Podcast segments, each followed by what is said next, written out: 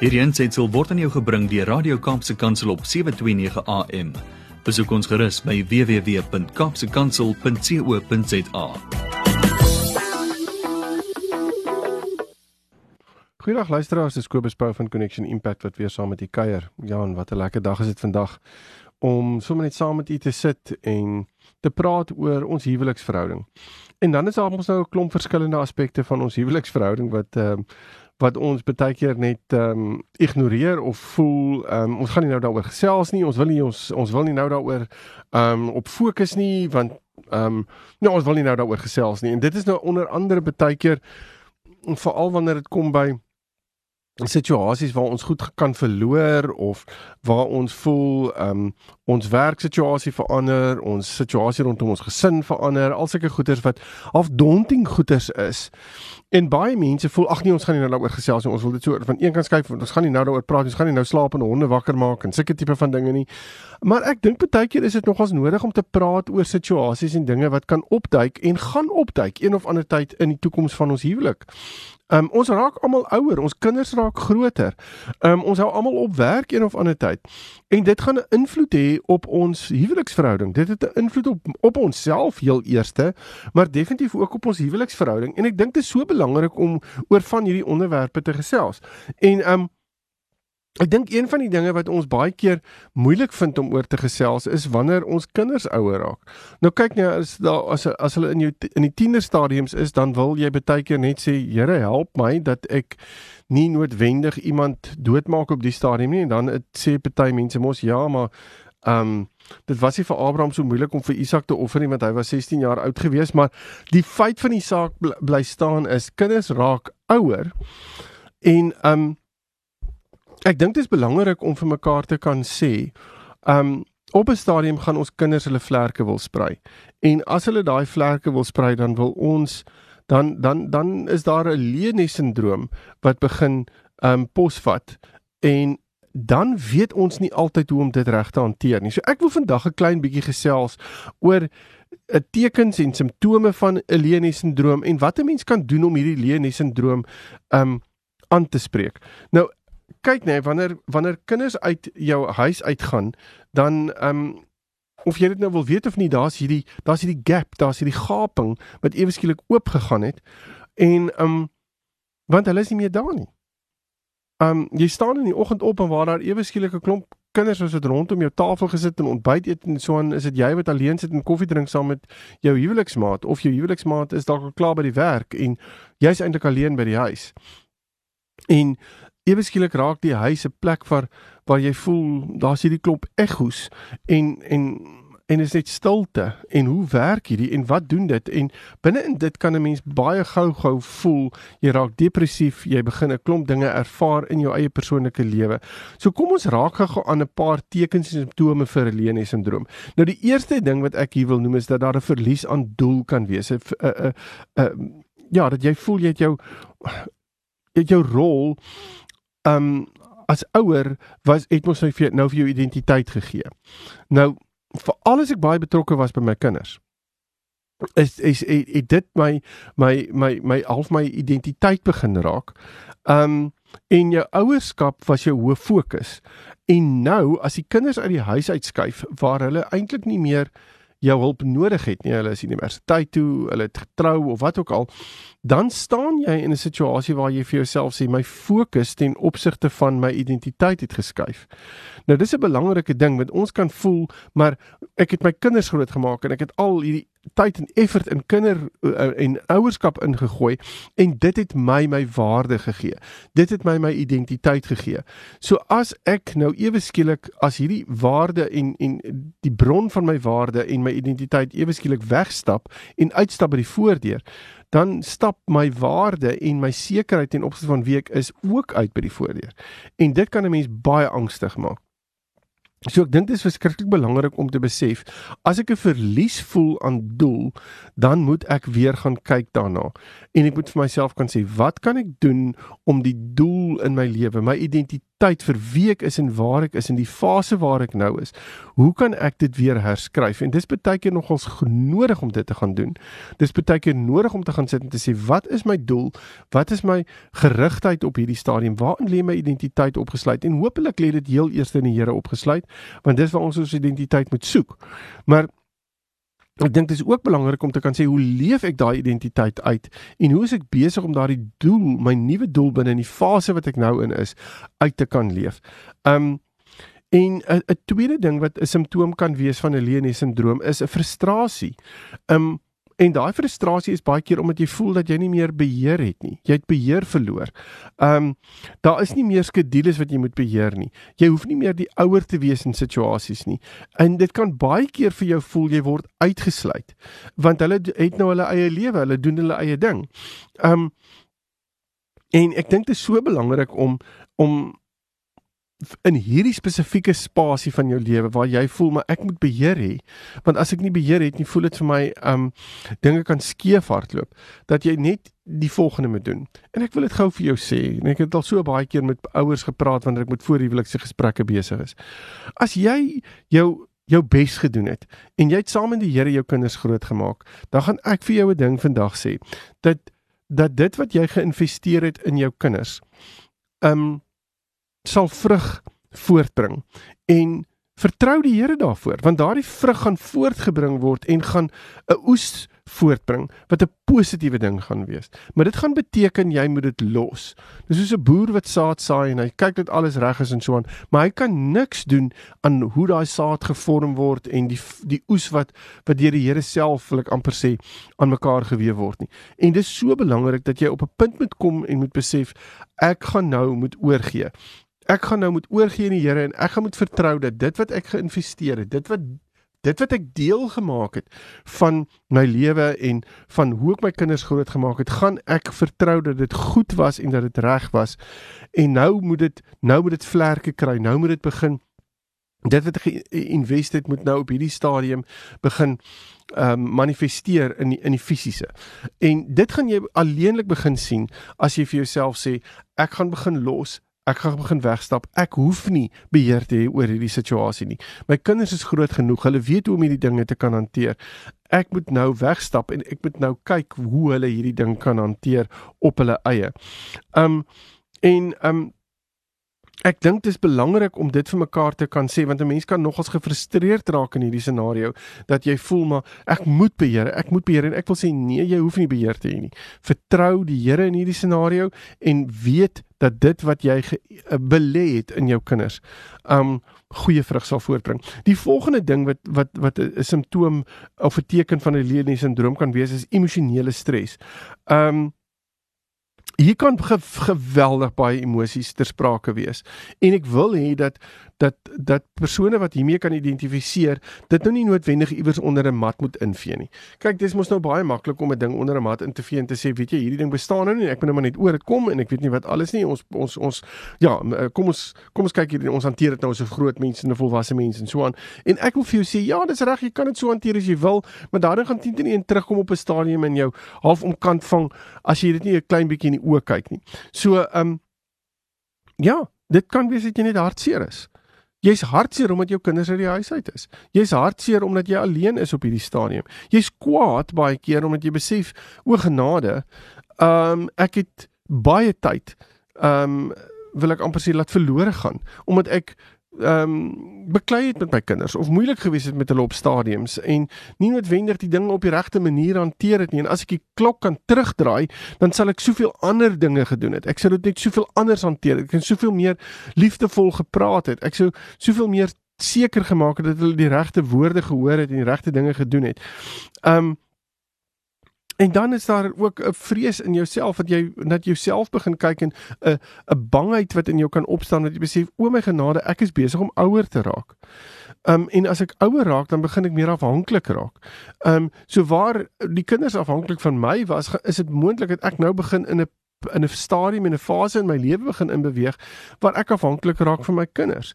Um en En hierdie al hierdie emosies wat ek nou hier noem, dis maar net 'n paar. Daar kan 'n klomp verskillende ander emosies ook wees. Ek wil hê gaan staan by hierdie emosies. Kyk hulle bietjie in die oë en sê vir hulle, "Waar kom julle vandaan en wat gaan ek met julle maak?" Ek kan nie net vir eenvoudig sê ek gaan jou iewers onder 'n mat invee nie want soos ek sê een of ander tyd gaan ek bo daai hobbel val. Ek moet vir mekaar vir my sê ek kan dit ek kan dit nie net eenvoudig ignoreer nie. Um hierdie negatiewe emosies is iets wat wat my so kan beïnvloed dat ek later weer eens in 'n baie slegte spasie gaan met myself, kan baie veroordelend raak ten opsigte van myself, baie um negatief raak um ten opsigte van myself en miskien is dit ook plekke waar mense net moet gaan sit en sê ek vergewe myself vir goed wat ek dalk verkeerd gedoen het. Maar terselfdertyd gaan ek ook sit en sê, Here, U gee vir my nou nog 'n geleentheid, 'n tweede geleentheid om dalk met my groter kinders 'n beter verhouding te kan bou as wat ek as wat ek as wat ek gedoen het toe hulle kleiner was. Um en um wat hoe ons ook al daai ding wil hanteer, ek dink dit is belangrik om te sê ek kan nie my emosies ignoreer nie. In baie opsigte 'n ander ding wat nogals opkom, um en spesifiek rondom ons huwelike is dat ons onseker raak oor ons huwelik omdat ons nou vir die eerste keer weer met ons huwelik gekonfronteer word. Jy weet ons ehm um, en en en so daar ontwikkel amper 'n huwelik stres. Ehm um, want jy weet paartjies het hulle het hulle huwelik nou vir 'n lang ruk wil ek amper sê op die kantlyn gesit en meer gefokus op hulle kinders. Maar nou is die kinders mos nou nie meer daar nie. Um hulle is nie in die huis nie, so die gesprekke en aan die tafel en so aan gaan nie nou meer oor die skole en die sport en die universiteite en die dinge nie. Dit gaan nou op hierdie stadium oor ons twee en wat ons doen en um die kinders is nie daar om gesprekke uh, wil ek amper sê mee aan te knoop nie. Um en baie keer is dit verskriklik moeilik vir paartjies in hierdie tyd om weer wil ek amper sê die die die leiersels op te tel want vir jare het ons dit eintlik net laat lê. Ons fokus was so op ons kinders dat ons heeltemal verloor het, uh fokus verloor het op onsself. En vir party paartjies is dit dat ek amper met die, die persoon wat saam met my in hierdie huis bly, dat ek daardie persoon weer van voor af moet leer ken. Um en dit kan baie moeilik wees veral as daar negatiewe ervarings was wat vir jare lank ingespoel het, wil ek amper sê terwyl die kinders daar was.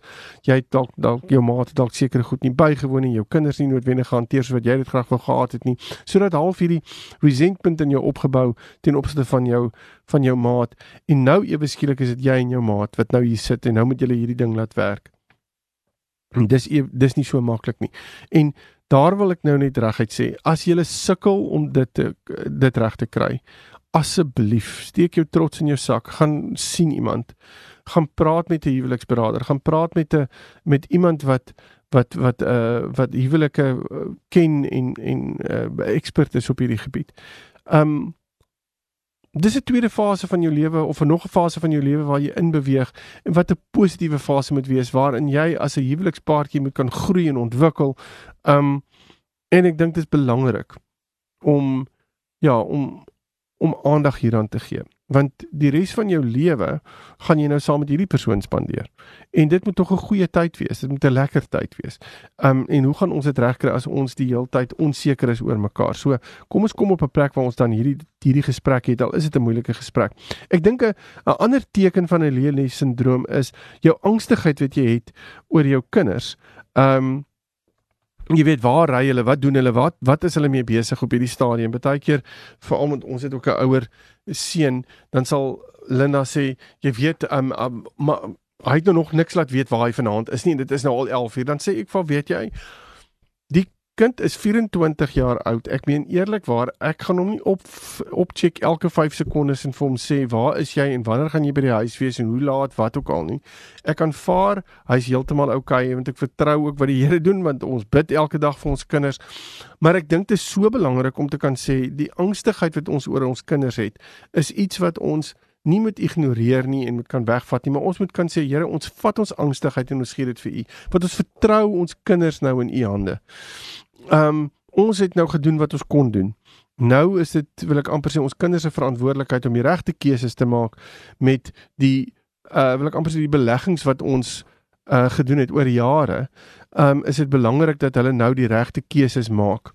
En ehm um, ja, ek dink uh, dis soos ek vroeër gesê het om, om dan te vertrou dit wat ons belê in ons kinders se lewens is vir my belangrik want dit gaan ook definitief die angstigheid aanspreek. Um nou, hoe hanteer jy hierdie ding? Wat wat wat kan 'n mens prakties doen? Nou Ek wil hierso dit gou opdeel in twee aspekte. Ek wil praat van enkelouers en dan wil ek praat van getroude paartjies. So enkelouers wat wat ook hulle kinders ehm um, wil ek amper sê uit die huis uit stap. Ehm um, wat gaan jy doen? Hoe kan jy die dinge hanteer?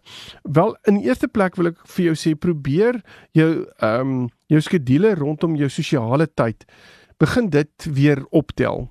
Dis verskriklik belangrik om intentioneel te wees om tyd eenkant te sit om sosiaal te begin verkeer. Onthou jou sosiale tyd was basies maar jou kinders. Maar ek dink dit is so belangrik om net weer begin betrokke raak in jou gemeenskap, in jou kerk met 'n klein groep of wat ook al of ehm um, raak by jou kollegas betrokke by die werk of wat ook al. Kom kom op 'n plek waar jy voel ek is bietjie meer sosiaal betrokke en ek begin dit skeduleer. 'n Ander ding wat 'n enkel ouer kan doen is kyk ons het mos as ons kinders gehad vir al enkel ouers. Ek het nie tyd vir myself nie. Daar dit gaan net oor die kinders want ek het nie 'n maat wat my noodwendig help nie. Maar nou dat die kinders uit die huis uit is, nou het jy tyd. So kry vir jou 'n stokperdjie, iets wat vir jou lekker is om te doen, iets wat jy altyd wou doen.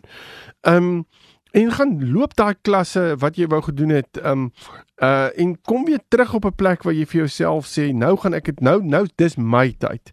Want jy mag hierdie tyd nou vat en jy kan dit vir jouself gee.